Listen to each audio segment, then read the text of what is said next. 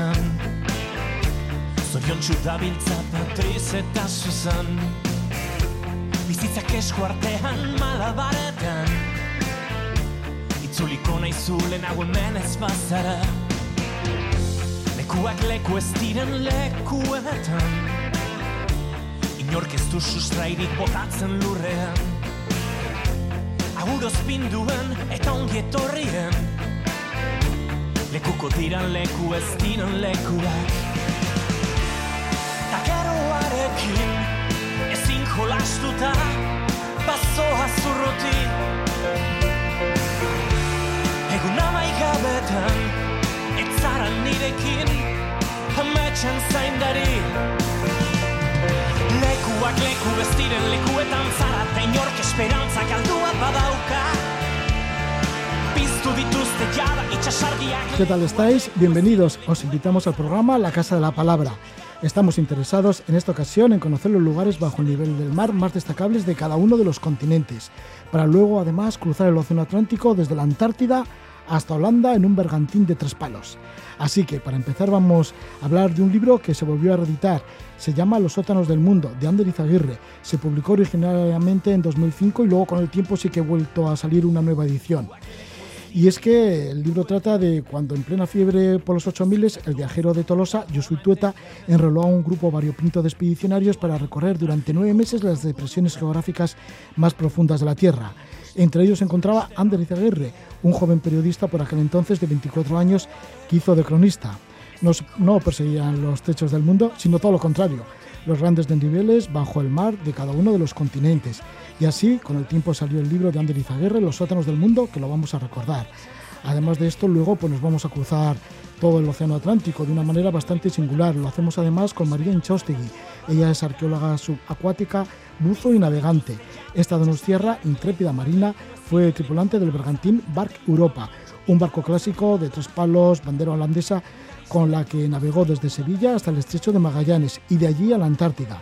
El caso es que querían continuar por el Océano Pacífico, pero apareció la pandemia del COVID-19 que los obligó a volver hasta Holanda. Así que pusieron rumbo de Ushuaia hasta La Haya, desde el sur del continente americano, pues hasta Holanda.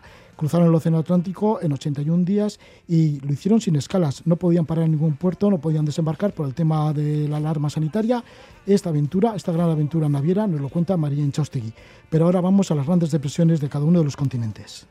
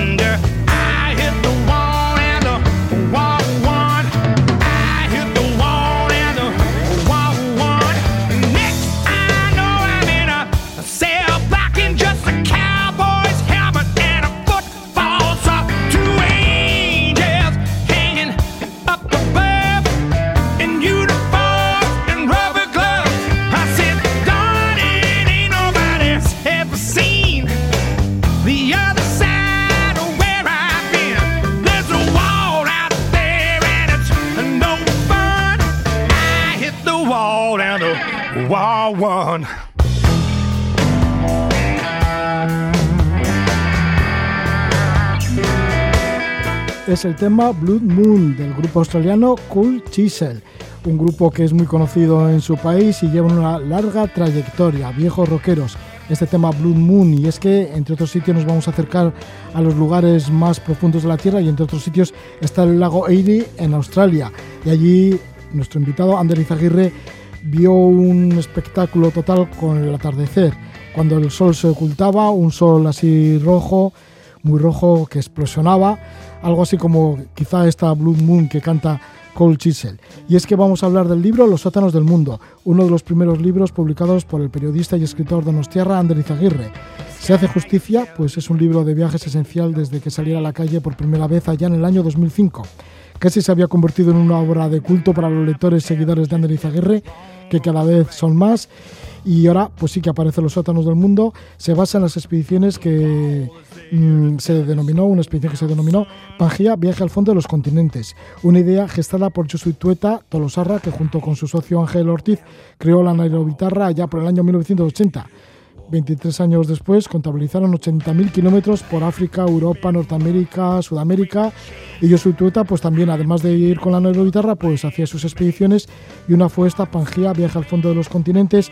Reunió a agentes variopintas por aquel entonces, porque estamos hablando del el año 2000. Y ese intermedio del año 2000 se fueron a ir pues a los fondos de los continentes, a las depresiones de los continentes. Se fueron al Valle de la Muerte primero, en septiembre de 2000, esto en California, al Valle de la Muerte, luego se fueron al lago Erie en Australia, a la Laguna del Carbón en la Patagonia, al Mar Caspio en Rusia, al Mar Muerto en Jordania, para terminar en junio de 2001 en el Cuerno de África, en el lago Asal en Djibouti. Y como decimos, Los sótanos del mundo, que se recogen todas estas aventuras, vuelve a reeditarse desde el año 2005 y ahora aparece de nuevo, así que nos felicitamos y le damos la bienvenida a su autor, Ander Izaguirre. Ander, Gabón. Hola, Gabón Roge. Perdona por la chapa esta, ¿eh? Peor es la mía, que mi libro tiene 400 páginas, más culpa tengo yo. sí, porque llamaste mucho la atención, porque sí que anteriormente tenías un libro que salió en la editorial Laertes sobre la parte de Djibouti, pero de repente apareció este libro tuyo, tan grande, Los sótanos del mundo, en el cual mm, ya dijimos, bueno, aquí hay un chaval que vale un montón para escribir libros de viajes, y ha sido así la realidad. Bueno, no sé, a ver, yo esto lo publiqué jovencito, ¿no? Hace ya, bueno, el viaje fue en el año 2000-2001, el libro salió en 2005, yo tenía veintipico años, y ahora me da un poco apuro reeditarlo, porque uno lee cosas que he escrito hace 15 años y yo qué sé, pues ahora igual las haces distintas, pero bueno, el editor de Libros del Cao eh, lo releyó y dijo, oye, que este libro está casi inencontrable y le gustó y bueno, yo me fío, si el editor, oye, que es el que pone la pasta y se arriesga, si él cree que, que merece la pena, pues bueno, lo publicó y para mí sinceramente es una alegría porque es así mi primer gran proyecto de literario cronista y, verlo ahora en 2020 otra vez y volver a recordar aquellas historias de aquel gran viaje, pues eso es una alegría. Sí, lo vuelves a leer y es como, como que lo vives otra vez de nuevo. Digo que, que me suena como bastante actual esta nueva edición. Sí, bueno, a mí, claro, yo llevo años sin releerlo y lo releí, lo releí para la nueva edición, pues para, bueno, retocar algunas cosas y peinarlo un poquito y, joder, pues me lo pasé bien, ¿no? O sea, y me, me daba envidia de, decía, joder, estos tipos qué, qué viajes tan interesantes, ¿no? Qué divertido, y ya me gustaría hacerlo. Y digo, ah, pero si, si, si lo hice yo, si ha pasado tanto tiempo que me dan ganas de repetir el viaje, ¿no? Que fue un, jo, pues un viaje con un grupo de gente excelente, eh, por todos los continentes y si haces eso con 23, 24 años, que era mi caso, jo, pues es un viaje iniciático, ¿no? Como jo, el inicio del camino de lo que yo quería hacer el resto de mi vida. Además, la idea es súper original, ¿no? Esto de no subir a las montañas más elevadas de la Tierra, sino todo lo contrario, a las depresiones. Mira, yo creo que este viaje empieza con una gran contrapregunta, ¿no? Y, bueno, a veces dicen que los periodistas somos esos que sabemos casi nada sobre casi todo, pero eh, yo creo que sabemos una cosa, que es hacer preguntas, ¿no? Y yo soy tueta, aunque no sea periodista, tiene mucho instinto de buscador de historias, y la pregunta era, oye, pues todos sabemos cuáles son los puntos más altos, los montes, los ocho miles, eh, pero ¿cuáles serán los más bajos, no? ¿Y, qué tendrán en común esos territorios? Si es que tienen algo en común.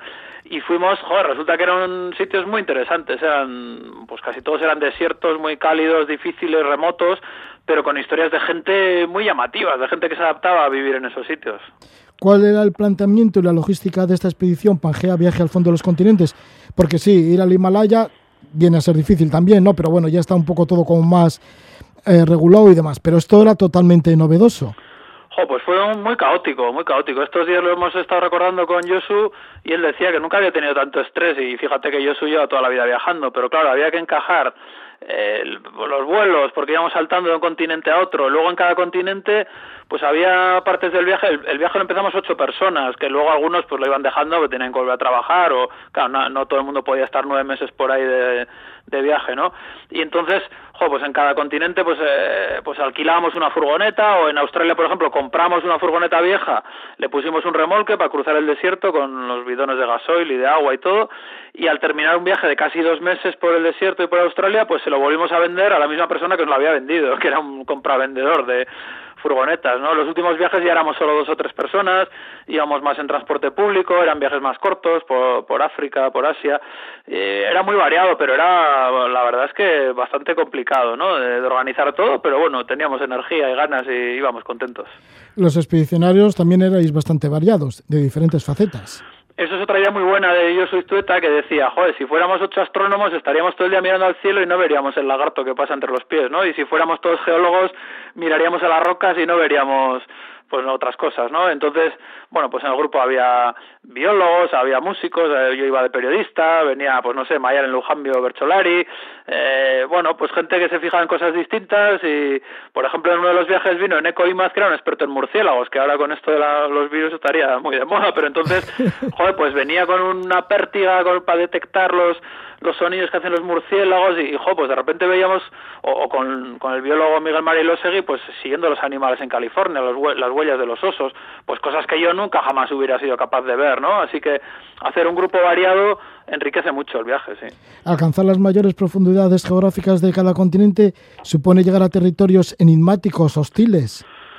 Sí, bueno, algunos son distintos, pero casi todos son, sí, pues sitios a los que no va casi nadie, porque pues el lago Erie, por ejemplo, en Australia, ¿no? Que está en mitad del desierto, tienes que recorrer cientos de kilómetros por pistas de tierra roja, eh, no hay casi, hay un pueblo, bueno, cuatro casas cada 300 kilómetros con una gasolinera, entonces, bueno, pues no tampoco tiene mayor mérito aventurero o físico, pero bueno, sí que tiene cierta bueno, cierto pequeño riesgo y, y bueno, y, y, tiene pues mucho encanto, ¿no? De ir a sitios donde no va nadie porque realmente son sitios espectaculares, pero están muy a desmano y tampoco hay nada especial, ¿no? Así que será eh, en realidad era la excusa al punto más bajo para hacer un viaje largo en cada uno de los continentes. Seguramente que tenías muchas interrogaciones, muchos enigmas. Fíjate en dónde puede estar esto, cómo llegaremos hasta allí. Eh, en algún caso, incluso en, en América del Sur, en la Patagonia, había una depresión que sospechábamos que en realidad no aparecía en los mapas porque los mapas, casi todos los atlas y mapas dicen que el punto más bajo de toda América está en el Valle de la Muerte en California, que ya habíamos ido allí, América del Norte. Pero luego vimos un mapa militar argentino y oye, esto es un error o no, había una depresión bastante más profunda en el sur de la Patagonia y lo y fuimos allí pues a ver dónde está esto, de quiénes nos dijeron que era un terreno privado de una estancia de estas gigantes que hay en la Patagonia y resulta que eh, preguntando preguntando supimos que la dueña se llamaba Margarita Eguiluz Mendieta, ¿no? Y dijimos, jo, pues con esos apellidos efectivamente era una hija de Donostierra y madre a la vez madre alavesa y jo, pues al final resulta que el punto más bajo de toda América está en, en una gran estancia propiedad de una vasca, ¿no? Y bueno, fue un, fue un hallazgo, publicamos una pequeña noticia en el National Geographic, que bueno, era una cosa más, tampoco tenía más trascendencia, ¿no? Pero sí que tuvo un puntillo, hay un poco de, de, de, pequeña exploración entretenida. Sí, porque demostrasteis que no eran las salinas grandes de la península Valdés de menos 42 metros, sí.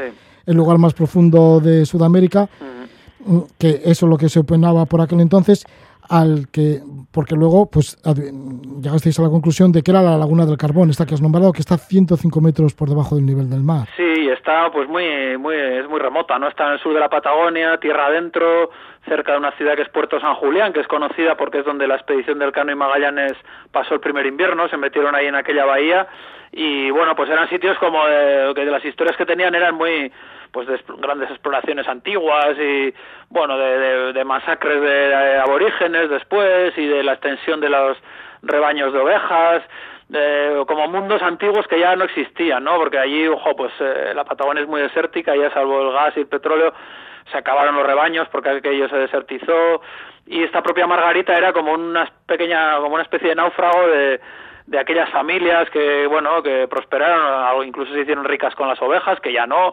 Era un mundo como en declive no y bueno pues fue bonito conocer de primera mano esa, esas historias. Vuestro primer destino fue el Valle de la Muerte en California. Y para ello alquilasteis una furgoneta y comentas en el libro que California es la tierra de los superlativos, que presume de tener los árboles más grandes del mundo, la mayor pared granítica, el capitán en Yosemite, el monte más alto de Estados Unidos, bueno, excepto Alaska, y también el punto más bajo, y ahí fuisteis al punto más bajo. Sí, incluso incluso, mira, me acuerdo que cerca, no es California, es en Nevada, pero Reno eh, presume de ser la, la, ciudad pequeña más grande del mundo, que, es, una cosa bastante divertida, ¿no? Y, sí, ellos también presumen de que, de que el Valle de la Muerte es el punto más bajo, la, mayor depresión de toda América, que no es verdad, como hemos visto, ¿no? Y fuimos allí, bueno, pues con esa excusa geográfica, pero después nos encontramos grandes historias de, de, de buscadores de oro, de colonos, Luego también buscamos las historias de los pastores vascos de Nevada, de California, pero por ejemplo en el Valle de la Muerte hay un sitio que se llama Aguerreberry Point y bueno, pues eh, anduvo por allí un creo que era de Suberoa, pues un tipo buscando oro, que tuvo unas aventuras tremendas allí con un fundó un pueblo, después eh, parece que se enriqueció, luego se gastó todo el dinero, pues seguramente en San Francisco se iban de juerga los mineros en cuanto sacaban oro o algo, ¿no? Y esas aventuras bastante locas del siglo XIX, de gente que lo dejaba todo y se metía en el desierto y se ponía a picar una montaña allí, bueno, pues seguimos el rastro de aquellas historias. Sí, seguiste el rastro y, y vas comentando, en el caso de los pastores vascos, la historia, ¿no? Que para 1860 ya habían desembarcado en California numerosos pastores vascos, contratados para manejar rebaños de ovejas en las praderas del oeste, las extensas praderas del oeste, y se las tenían que ver con la soledad. A mí es de las historias que más me impresionan y encima todavía podemos conocerlas de primera mano, ¿no? Porque aunque luego cambiaron las circunstancias y mejoraron, todavía hay gente que hasta mediados del siglo XX o hasta los años 70 joder, pues ha tenido unas historias terribles que se iban de aquí con 18 años, ¿no? Pues de muchos del Bastán, de la Baja Navarra, también pues vizcaínos de muchos sitios y bueno pues les, daban un rebaño de dos mil ovejas y les decían mira tú camina hacia allí hacia esas montañas eh, y dentro de seis semanas pues llego yo no llegaba el, patrón con con un, con un camión y le llevaba víveres y estaba allí el hombre con una escopeta, un perro y se pasaban seis semanas solos, ¿no? Eh, son historias durísimas, algunos sufrían mucho y, y bueno, pues eh, lo cuentan, ¿no? Y a nos, eh, en todo este viaje de, los sótanos del mundo siempre nos admiraba la capacidad de adaptación de la gente por buscarse la vida en sitios tan extremos, ¿no? Y eso es realmente lo que queríamos contar en el libro, no nuestras idas y venidas, que tampoco son ninguna aventura extraordinaria, sino las historias de la gente, ¿no? Que vive o que ha vivido en esos lugares. Sufrieron tanta soledad estos pastores vascos que en el año 1908 das este dato, los vascos de Boise, en Idaho, se asociaron y crearon un fondo para pagar el billete de vuelta a casa a compañeros que enloquecían. Sí, pues había, bueno, a algunos les iba bien, ganaban bastante dinero, pero había otros, bueno, pues o que lo pasaban muy mal, que incluso, eh, bueno, pues tenían problemas psicológicos, ¿no? Eh, y enfermaban o se volvían medio locos de soledad, ¿no? Y igual no tenían medios y bueno, pues había esa solidaridad de los emigrados que, que ponían un bote y oye, pues hay que mandar a casa a este que coja el barco otra vez, que aquí está lo está pasando muy mal y que vuelva a su pueblo, ¿no? O sea, eh, cuando conoces historias de estas eh, empiezas a ver un poco la dimensión real de, de vidas que para nosotros serían impensables, ¿no? Ahora, mira, ahora que hemos sabido un poco con esto del confinamiento que hemos estado cada uno en su casa eh, con, con, bastante comodidad, con todas las comidas aseguradas, la mayoría de nosotros al menos, pues bueno, nos ha parecido tremendo. Pues bueno, imagínate lo que será eso, ¿no? Estar pues, oh, qué bonito el monte, ¿no? Y la soledad, sí, pero si tienes que estarte allí semanas y meses solo cuidando un rebaño, pues son pruebas muy difíciles. Sí, y es que los pastores vascos son como una especie de símbolo, ¿no? También para Estados Unidos de la soledad y de aguantar la soledad. Bueno, eso fue una cosa curiosa, muy reciente, cuando llegamos nosotros, en el año 2001 o 2000, eh, todavía había una gran compañía telefónica de Estados Unidos que hizo una campaña de telefonía móvil, que en esos años estaba desplegando, ¿no? y ellos querían demostrar que sus teléfonos móviles llegaban a, hasta los puntos más remotos la señal y que eran ideales para comunicarse. Y escogieron como modelo para la campaña a Dionisio Choperena, que era un pastor navarro, y bueno, se hizo muy famoso, salió en un montón de campañas, de carteles, en la televisión, y era pues eso, un pastor vasco que estaba con las ovejas perdido en el quinto pino, en el monte, y que tenía un teléfono móvil, ¿no? Entonces, eh, nos, nos gustó ver que una gran empresa americana, pues, como símbolo de soledad, el máximo símbolo de soledad y, y de persona remota era un pastor, un pastor de Goizueta, creo que era, ¿no? Sí, Navarro, de Dionisio Choperena, que abandonó su pueblo en el año 1972 con 17 años y pasó seis años con las ovejas sin ver a nadie durante largas temporadas. Bueno, y ahora se convirtió todo en un símbolo ahí, ¿no? Con este, con este tema de la publicidad. Y luego en el caso de Australia, en Australia, ya has dicho, ¿no? Comprasteis ahí una furgoneta y os fuisteis por la carretera Stuart Highway de 3.500 kilómetros que cruza Australia de norte a sur. Salisteis de Adelaida y cómo es el interior de Australia, porque lo describes además por sus diferentes estados de mm, de, cómo es, ¿no? Y os encontrasteis incluso con un aborigen que os habló del desierto y os dijo, maldito desierto, es la tierra de los hombres muertos.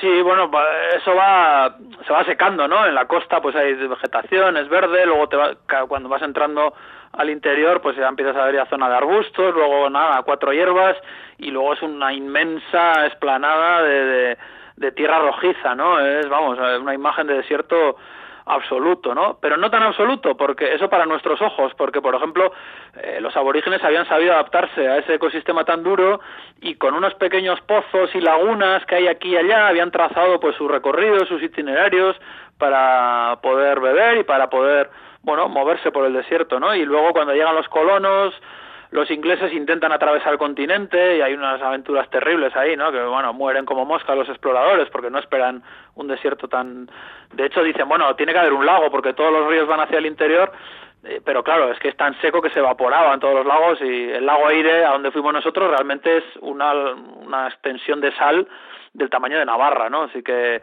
bueno, eh, nos admiraba, pues bueno, pudimos hablar también con algunos aborígenes y conocer los problemas que tienen, que son bastante graves y, como es pues algo de su cultura y bueno, pues gente que, que, merece un respeto porque ha sabido adaptarse a uno de los entornos geográficos más duros del planeta.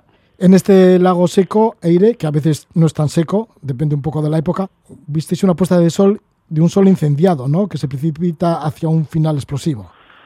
Sí, es que allí, pues ya, como he dicho, te puedes imaginar una todo blanco, blanco, una llanura de sal con algunas tonalidades un poco rojizas, pues depende del mineral que hubiera, y allí, pues el pueblo más cercano estaba a 100 kilómetros y tenía cuatro casas, ¿no? O sea que estás en el sitio más solitario posible, con un cielo de 360 grados absoluto, azul, y pues ahí el sí la puesta de sol fue una cosa tremenda no y bueno realmente nosotros estábamos allí pasando dos días no había mucho que hacer eh, nos llevaron en unos todoterrenos porque nuestra furgoneta no podía llegar hasta allí era un terreno muy como una arena muy difícil y, les, bueno contratamos a una, pues unos conductores para que nos dejaran allí en la orilla del lago Aire con nuestras tiendas de campaña y les dijimos oye venid dentro de dos días a buscarnos queremos estar aquí un poco y ver este entorno eh, claro, decidimos pagarles a la vuelta para que se para asegurarnos de que venían a buscarnos, claro, porque te dejan allí y realmente, bueno, estás lejísimos de, de, una gota de agua, ¿no? Y ese sitio, yo no, no, no, no, no puedo imaginar una soledad mayor, ¿no? Es que ya supongo que lo siguiente será la luna, ¿no? Un sitio tan, tan remoto, tan solitario, y bueno, sin embargo, cuando pasas dos días, solo dos días, pues ya se te agudizan los sentidos y empiezas a ver cositas, empiezas a ver algunos insectos, empiezas a ver, eh, pues eh, si hay un charco de agua porque hace meses llovió, pues hay unos pajaritos, a veces hay hasta peces muertos porque durante las inundaciones del desierto pues llegan peces, se forma un lago, pero luego se evapora y se quedan todos los peces muertos ahí en mitad del desierto, ¿no? Entonces, esa imagen de ver un pez muerto en mitad del desierto, pues ¡fua! eso ya vale, vale mucho el lago Iri, que fue uno, uno, de los destinos de esta expedición que se llamó Pangea Viaje al Fondo de los Continentes, que se desarrolló allá por septiembre del año 2000 hasta junio de 2001, visitando las depresiones mayores de, del planeta, de cada uno de los continentes, así el Valle de la Muerte en California, el lago Erie en Australia, la Laguna del Carbón en la Patagonia, luego llegaría el Mar Caspio en Rusia, el Mar Muerto en Jordania, el lago Asal en Djibouti. Esto se recoge en un libro llamado Los sótanos del mundo. Estamos con su autor, con Ander Izaguirre.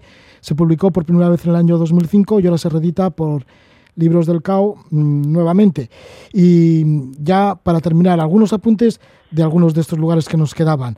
Por ejemplo, el lago Asal en Djibouti, porque aquí dicen que pega el sol, que es tremendo. Bueno, Djibouti es el país más caluroso del mundo. Eh, la mínima histórica son 18 grados. Han llegado a estar seis meses seguidos sin que bajara de 36 grados ni de día ni de noche la temperatura la sombra. O sea, eso es un pues un horno, ¿no? Y fuimos en junio, que bueno, ya era la última etapa del viaje, llegamos muy cansados pero es también un sitio muy peculiar, ¿no? Allí se, se, ve a plena vista en el desierto, que es un desierto volcánico, negro, muy crudo, eh, se ve la gran grieta eh, por la que se está partiendo África en dos cachos, ¿no? Eh, toda esa línea de grandes lagos que hay en el centro de África es en realidad la línea de puntos por la que se va a separar África Oriental y eso en Djibouti, pues por ahí ya se está colando el mar hacia el lago Asal, ¿no? Que es un lago interior que está más hundido que el océano y se está colando el agua y allí hay unos caravaneros con camellos que agarran, bueno, sacan la sal de la orilla de ese lago casi seco y se la llevan en caravanas a Etiopía, ¿no? Y decíamos, oye, pero esto ya es rentable porque hoy en día hay empresas y fábricas que se llevan en camiones la sal a Etiopía y nos decía, bueno, en realidad ellos luego venden la sal en Etiopía, pero donde sacan el negocio es que en Etiopía, que es más barato, compran lavadoras y televisores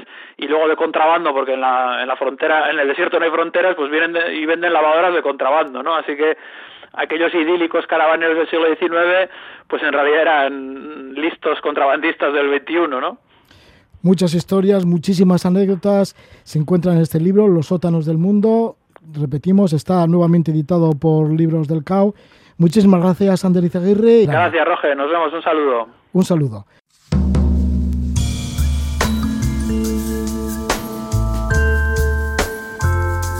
En la Casa de la Palabra, escenas marinas. A golpe de ola.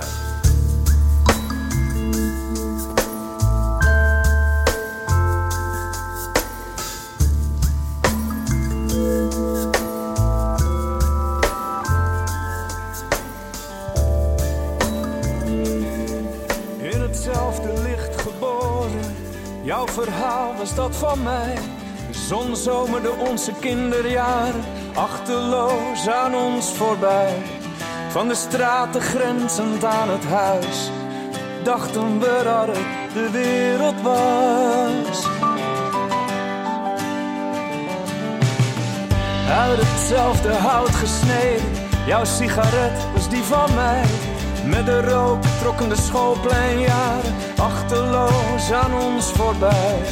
En van de toekomst die we zo troebel zagen, dachten we dat het de wereld was. En we dronken tot zoete wijn, dromen in onze aderen stroomden. Tot het zong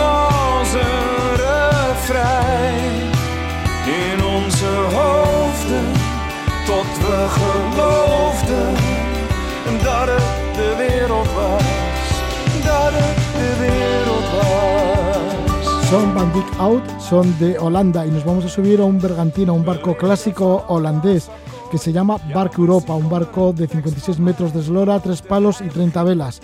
En él ha navegado nuestra invitada María Enchostigui. María Enchostigui, que es de Donosti, historiadora, arqueóloga subacuática, buzo profesional, marinera, mm, bueno, pues nacida en Donosti en el año 1989, muy joven, pero así y todo, pues ha realizado investigaciones en diferentes mares, desde Florida hasta Australia, muchas experiencias ha tenido y últimamente pues ha embarcado en el Bark Europa, ha estado embarcada como guía de expedición en este bergantín y primero pues hizo la travesía desde Sevilla hasta el estrecho de Magallanes. Volvió de nuevo para Donosti, pasó las navidades, voló a Ushuaia, al sur del continente americano en Argentina, se volvió a embarcar en el barco Europa rumbo hacia la Antártida. Regresó de nuevo para Ushuaia y de allí en velero, en el barco Europa, han vuelto a un puerto de Holanda. Para hablar de estas vicisitudes marineras, le tenemos con nosotros a María Enchaustegui. Gabón, María. Gabón, Roge. María, ¿qué supone estar embarcada en un barco así clásico de tres palos, 30 velas, de estar subida en el palo mayor? Porque sí que en ocasiones, cuando ibas por allá por el mar, el mar de Weddell, que es un mar así lleno de hielos, te subías al palo mayor pues para divisar y observar los hielos y, y indicar al capitán por dónde teníais que seguir, ¿no? O sea, ¿qué supone eh, estar en un barco así, vivir la aventura, una aventura auténtica marinera? Bueno, navegar en un, en un tall ship, ¿no? En un barco de palos altos, como se llaman en inglés, significa cansarte mucho y no tener vértigo, porque son, si eres un poco vago y tienes vértigo, ahí no tienes nada que hacer, básicamente. Supone, supone volver a la, a la navegación tradicional de las velas cuadradas, supone tener la mejor panorámica posible en unos parajes impresionantes como puede ser el Océano Atlántico o la Antártida. Supone, supone lo mejor de la navegación, en mi, en mi humilde opinión, desde luego. ¿Has estado obligada, o bueno, no sé si es la palabra obligada, pero bueno, a subirte al palo mayor en varias ocasiones?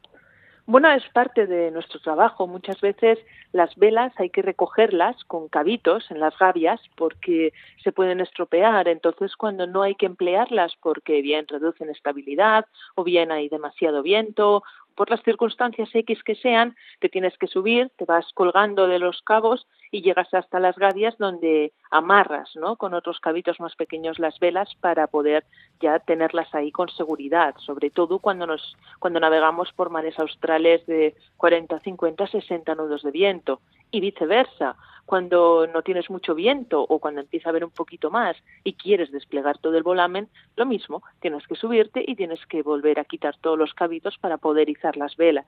Es una cuestión de, de seguridad. María, eh, mira, cuestión de seguridad. ¿Estás muy segura cuando estás en Ushuaia y tienes que cruzar el estrecho de Drake o Mar de Oces rumbo hacia la Antártida? Digo, ¿tienes que ser una marinera muy curtida para ello? Muy curtido tampoco creo. Yo creo que lo que tienes que, que tener en cuenta es que van a ser unas condiciones complicadas, que se va a dormir poco, que puede ser, si nunca has vivido una tormenta, ¿no? Eh, puede ser muy espectacular a nivel visual, pero que está rodeado de un equipo que sabe lo que hace y bueno, muchas veces si tienes, yo lo sé, pues poco gente, ¿no? Nueva que se queda un poco sobrecogida, no pasa nada, no pasa nada si no te atreves a subir, no pasa nada si si tienes miedo a tirar de los cabos cuando vienen las las olas, te enganchas con los arneses y poco a poco pues pues vas haciendo la tarea. Aunque también es cierto que nunca nos ha pasado eso en el pasaje de Drake porque ahí ahí vamos los curtidos, ¿no? Por así decirlo. Ahí vamos los que los que nos va a la marcha, por así decirlo también. ¿Cómo es este barco, el, este velero, el Bark Europa? ¿Cuál es el propósito del mismo y cuántos tripulantes vais llevando el barco? Porque sí que el Bark Europa, entre otros propósitos, es llevar pasajeros, ¿no? Alrededor del mundo, allá por donde va navegando. Sí, nosotros somos una agencia de viajes que ofrecemos viajes a distintos, a un tipo muy concreto de, de turistas, porque si no, no hay manera de poder. El barco se votó en 1911. Es un barco muy antiguo, es una señora con muchos achaques, como decimos, muy elegante, pero hay que hacerle mucha obra de mano. Y entonces todo el dinero que ganamos básicamente se va para para el mantenimiento de este, de este tipo de embarcaciones tradicionales. Son, muy caras, un casco de acero, 30 velas, tres mástiles, pues te puedes imaginar, toda la cabullería, motonería, etcétera, etcétera. Entonces lo que hacemos son viajes muy especiales por distintos mares uniendo navegación y expedición. Nosotros nunca hemos creído en esto de los chartes convencionales, ¿no? Donde tú llevas a la gente, les das la vuelta y los traes. No, tú Tú si vienes vas a ser uno de nosotros y te enseñamos a navegar y te enseñamos desde llevar el timón, es obligatorio que lleven el timón, ellos también están en guardias, mucho menos duras que las nuestras, cuatro horas por día, pero están de guardia, tienen que hacer turnos en el timón, tienen que estar en proa también avistando algún objeto mm, pues sospechoso, escalan si quieren, les enseñamos a escalar y a subirse con nosotros, tiran de los cabos con nosotros, es decir, son, son uno más. Y luego, por supuesto, llega el, la parte de la expedición donde los guías, en este caso yo, les llevo por la Antártida, me los llevo pues horas y horas a subir montañas, a ver glaciares, las pingüineras, los albatros, un poco todo. Es, es digamos un concepto donde nosotros unimos a gente que les gustaría experimentar una navegación tan tradicional pero sin que se lo den todo hecho. Para eso, para eso están los cruceros. Nosotros queremos, queremos integrarlos, queremos que sean parte de nosotros y que entiendan esta manera de vivir particular, pero tan bonita, ¿no? Que llevamos a cabo en el Europa. Sí, muy bonita para ti y además te tiene que llenar plenamente porque ahí combinas tu faceta de historiadora, también tu faceta de arqueóloga acuática, está el tema de ser marinera, o sea que para ti es como vivir lo que quieres vivir. Efectivamente, todo llega por algo. Es decir, bueno, que ha sido una lucha continua desde que tienes 18 años, ¿no? Desde que estás de manera independiente estudiando y trabajando. Como, a mí me llegasen a decir a los 18 años, oye, mira, bonita, que en 12 o así eh, vas a andar de guía de expedición por la Antártida en un velero de aparejo redondo, ¿no? De velas cuadradas. He a reír, digo, pero venga, ¿dónde vas? sí, claro, yo me ocupo de, de darles charlas, de darles los blablas, como yo digo, porque ya tanto en la tripulación como los pasajeros saben decir hola, saben decir, desgraciadamente saben decir hostia y joder, eso es lo primero que aprenden, pero ya, claro, les enseño un poco todas las navegaciones históricas, no, no navegamos por navegar, navegamos siguiendo siempre derrotas, pues como hicimos, ¿no? Con la circunnavegación de Magallanes y Elcano, seguimos la derrota de Magallanes y Elcano en la primera travesía. Ahora en la Antártida hemos seguido los pasos de Shackleton y de la expedición sueca de Nordenskjöld. Siempre hay un componente histórico que, que yo me empeño siempre en dar y en poder enseñar y desde luego bueno a la gente a la gente le encanta porque en un barco de esas características les cuento aventuras que realmente pasaron, porque, bueno, claro, como historiadora que soy, fascinada por nuestro pasado, intento transmitir esa, esa pasión. María, y lo que te he preguntado, ¿cuántos tripulantes sois y de qué nacionalidad sois los que habéis participado en estas últimas aventuras en el barco Europa? Pues suele depender, solemos ser una media de entre unos 16 y 19, teniendo en cuenta eh, maquinista, segundo maquinista, eh, cocinero, segundo cocinero, a veces hay un tercer cocinero, depende un poco de la situación, y luego está el capitán, el primer oficial, contramaestre, y luego marineros y los guías. Y además sois de diferentes nacionalidades. Completamente, tenemos... ¿Y también hay pues, bastantes mujeres? Bueno, somos un barco con mayoría de mujeres. Ah. Claro, sí, sí. ¿Y nacionalidades?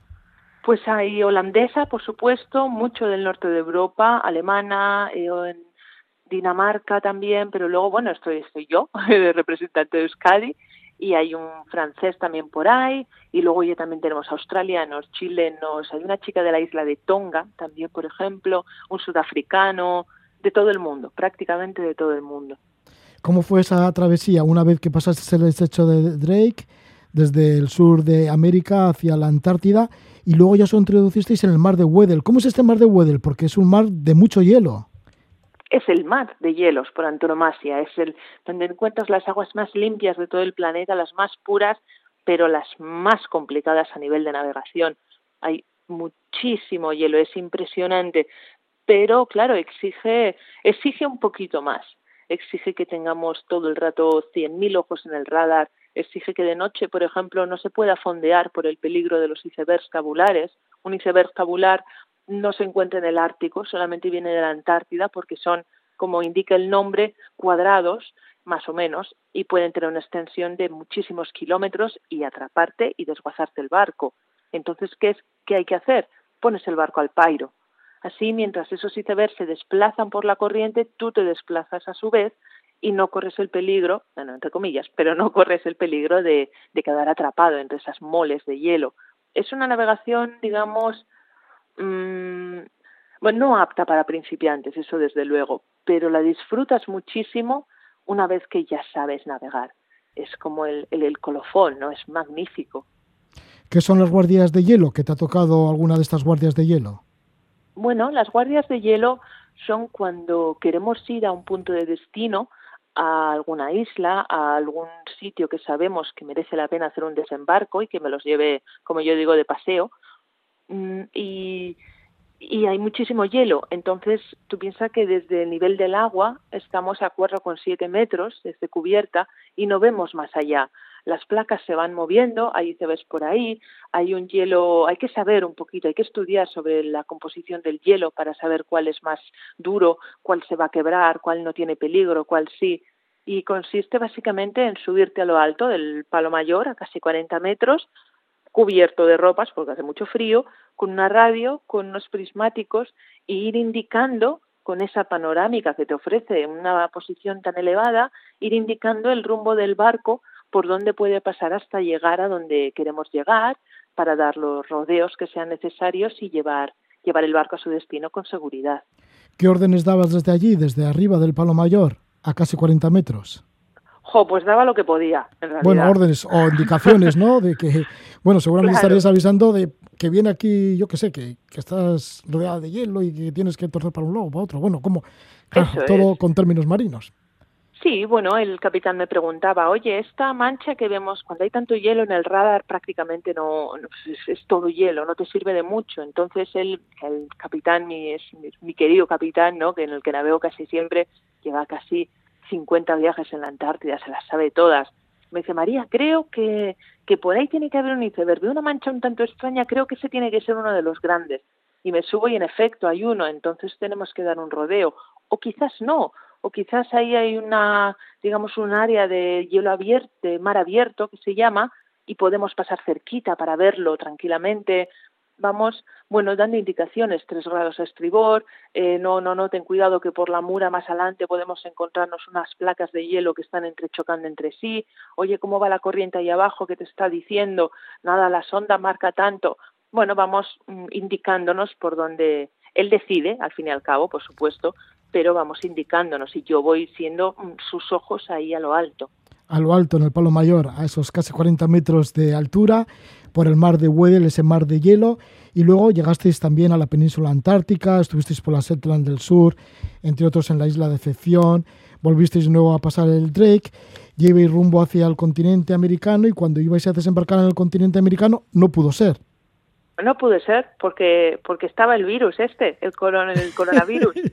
¿Que no os habéis enterado de nada cuando estabais navegando por la Antártida de lo que estaba sucediendo? No mira, nosotros dejamos a mediados de febrero en la situación del coronavirus con el con el virus chino ese. No te digo más. Y claro, pues nosotros no tenemos internet, no tenemos nada. Eh, es todo manual. Tenemos que estar centrados en lo que tenemos que estar para hacer un, un trabajo bueno, efectivo y con seguridad entonces no realmente no prestamos nada de, atención a lo que pasa en el mundo cuando estamos embarcados. Cuando llegamos un mes más tarde a Ushuaia, a mediados de marzo, nos vino de golpe toda la, digamos, la situación epidémica global. Y, claro, fue, fue, un poco caos y un poco shock, para ser honestos. Sí, porque se iban cerrando los puertos. ¿No podíais mm, amarrar en ningún puerto o qué? Claro, estábamos, teníamos que atracar en Ushuaia, él creo que era el 16 de marzo, y oímos que Puerto Williams, que es un puerto que está al lado de Ushuaia, ha cerrado, oímos que los países empiezan a entrar en cuarentena. Bueno, a mí las noticias que me llegaban de España era que había cientos de muertos al día. Yo decía, pero, pero ¿esto qué es? ¿Zombilandia? ¿Qué está pasando? No, no puede ser verdad. Yo quería hablar con mi familia, quería hablar con mis amigos para ver qué pasaba. Pero la prioridad ahora era poner, digamos, a salvo el barco y, hacer desembarcar a los pasajeros con seguridad para que llegasen a sus respectivos hogares, que vienen de todo el mundo. Y de hecho, tuvimos la suerte de atracar en Ushuaia, nada, justo creo que tres horas antes de que cerrasen a Calicanto el, el puerto para entradas y salidas de barcos. Los pasajeros sí que volvieron a sus respectivos lugares, países, pero vosotros, la tripulación, os quedasteis allí, en el puerto de Ushuaia, bueno, en la bahía de Ushuaia, ¿no? Anclados. Sí, sí, decidimos, sí, decidimos salir y fondear, ¿no? Para ver, bueno, solos ahí, tranquilamente, ver cómo se desarrolla la situación y empezamos a ver que todo estaba cerrándose. Nuestra idea era seguir para el Pacífico, pero Chile empezaba a cerrar fronteras, las islas del Pacífico empezaban a cerrarse, las islas del Atlántico también, Europa estaba cerrada Calicanto desde hacía un tiempo y al final era un y ¿Y qué hacemos? Porque el invierno austral se echaba a las puertas, horas, horas sin, sin luz, días sin luz, muchísimo viento, muchísimo frío, no nos podíamos quedar ahí. Fueron, fueron días un poco dramáticos, la verdad. Ya, con muchos nervios. ¿Y entonces cuál fue la solución? Porque ¿qué estabais pidiendo? Em, ¿Que alguien nos rescatara? ¿Que alguien nos dejara navegar en vuestro barco a algún puerto? Especialmente Europa, ¿no? Porque vuestro destino final, porque el barco es holandés, vuestro destino final tenía que ser Holanda. No, de hecho, claro, nosotros íbamos, si nosotros íbamos a ir al Pacífico, íbamos a cruzar todo el Pacífico durante, digamos, las, todos estos, todos estos meses y luego íbamos a volver a ir a la Antártida a inicios de septiembre próximo. Es decir, todo había un, organigrama de viajes y de, de, agenda que, que se fue todo al garete. Como el barco es de pabellón holandés, es holandés, hubo un solo país que nos certificó y nos aseguró que independientemente de cómo se desarrollase toda esta situación, porque nosotros llegamos en, yo creo que uno de los peores momentos fue a mediados de marzo, no se sabía cómo iba a evolucionar toda esta situación y nos dijeron que, que si volvíamos a Holanda, eh, Holanda nos permitía entrar. Entonces, pues comprobamos la comida que nos quedaba, comprobamos el gasoil y levamos anclas y sin escalas, pues, pues topa arriba, Roge todo para arriba y sin parar, eso, sin escalas. Y en total estuvisteis 81 días navegando por el Océano Atlántico y 10.107 millas navegadas. Efectivamente, y este récord. sí, sí, y en este caso ibas 18 tripulantes de 12 nacionalidades.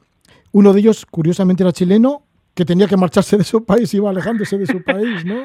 pues no pudo, oh, pobrecito. Bueno, a ver, que luego se echó una novia marinera, ¿eh? Ahora ah, bueno, aprovechó el tiempo. Sí, sí, sí. No, no le va nada mal.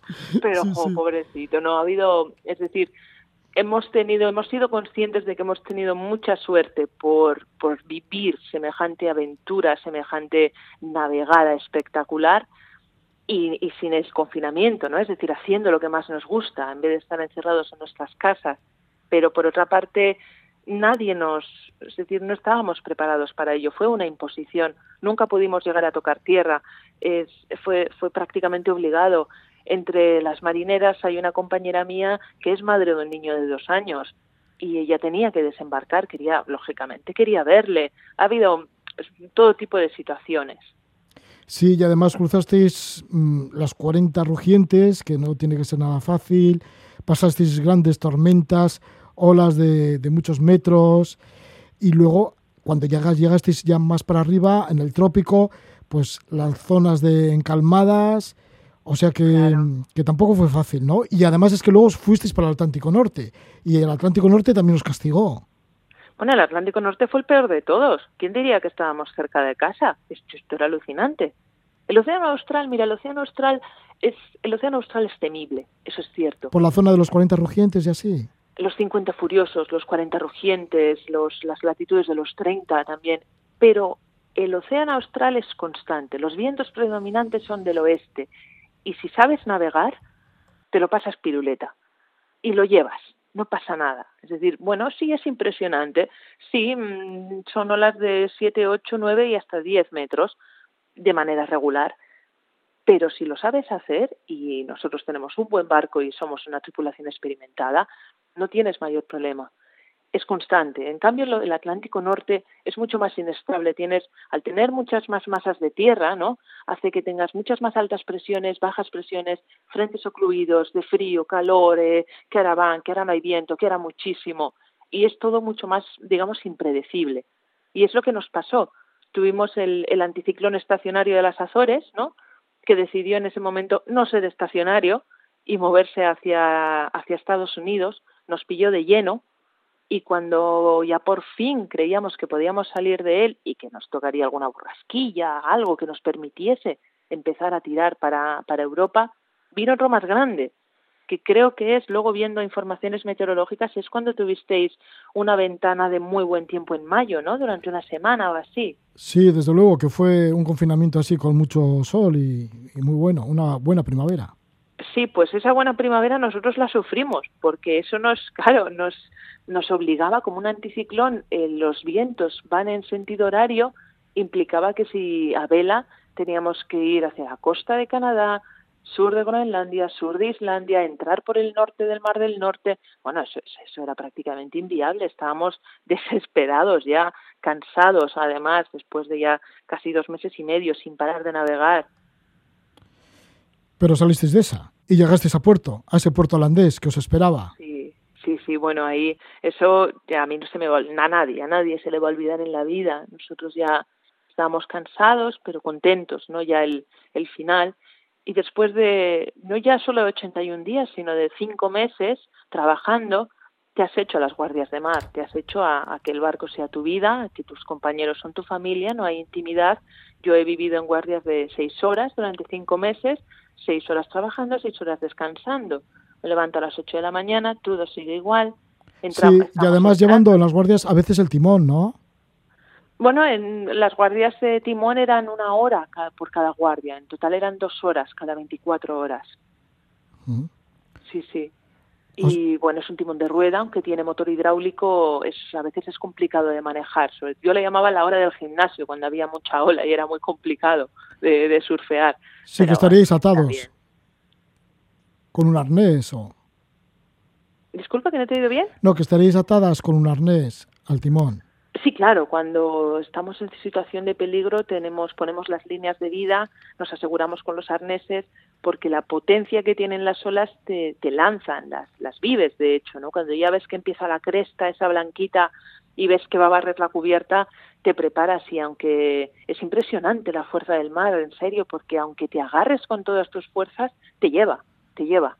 Y bueno, por eso, claro, por eso vamos asegurados. María, entonces, ¿qué supuso llegar al puerto, a ese puerto holandés tan deseado? Pues hacía un hacía un, día espléndido, mucho mucho sol, muy claro, pero con un poco de, esta neblina de la mañana y el mar estaba plato. Entonces a lo lejos empezamos a ver los edificios de la Haya.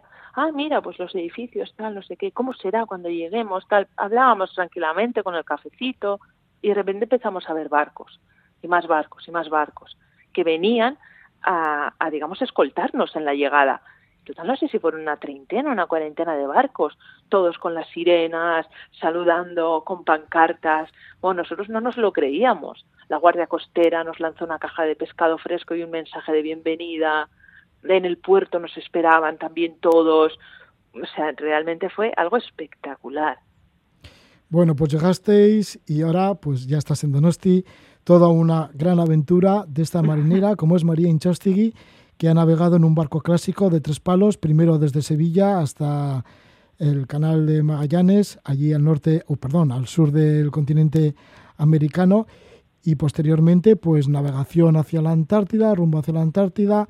Una vez de regreso a Ushuaia, se vieron que la pandemia del coronavirus avanzaba por todo el mundo, no había puerto que les acogieran, hasta que de repente sí, apareció uno en Holanda y tomaron rumbo hacia Holanda rápidamente Tardaron 81 días y 10.107 millas sin escalas hasta terminar con un final feliz. Pues muchas gracias María Enchostegui por habernos hablado de esta aventura que habéis vivido ahí en el Bark Europa. Es que ricasco, Roge.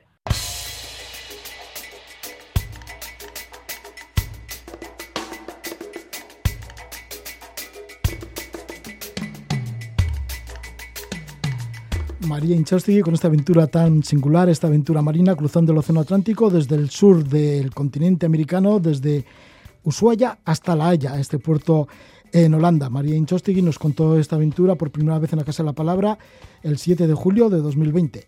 Y vamos a terminar, lo hacemos con la música del arpista y cantante de Escocia, Raquel Newton. Que disfrutéis.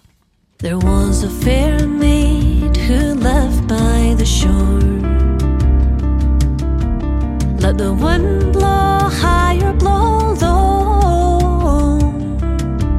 No one could she find to comfort her mind as she sang all alone on the shore.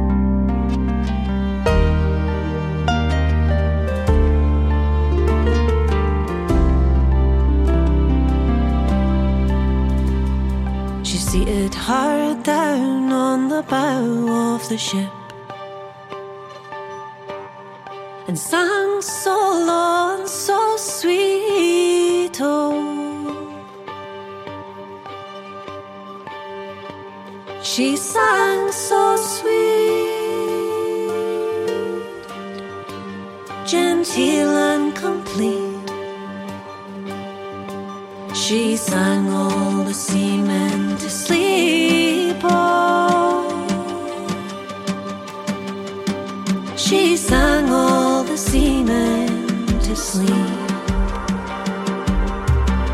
She partook of his silver, partook of his gold, partook of his costly wedding. She took his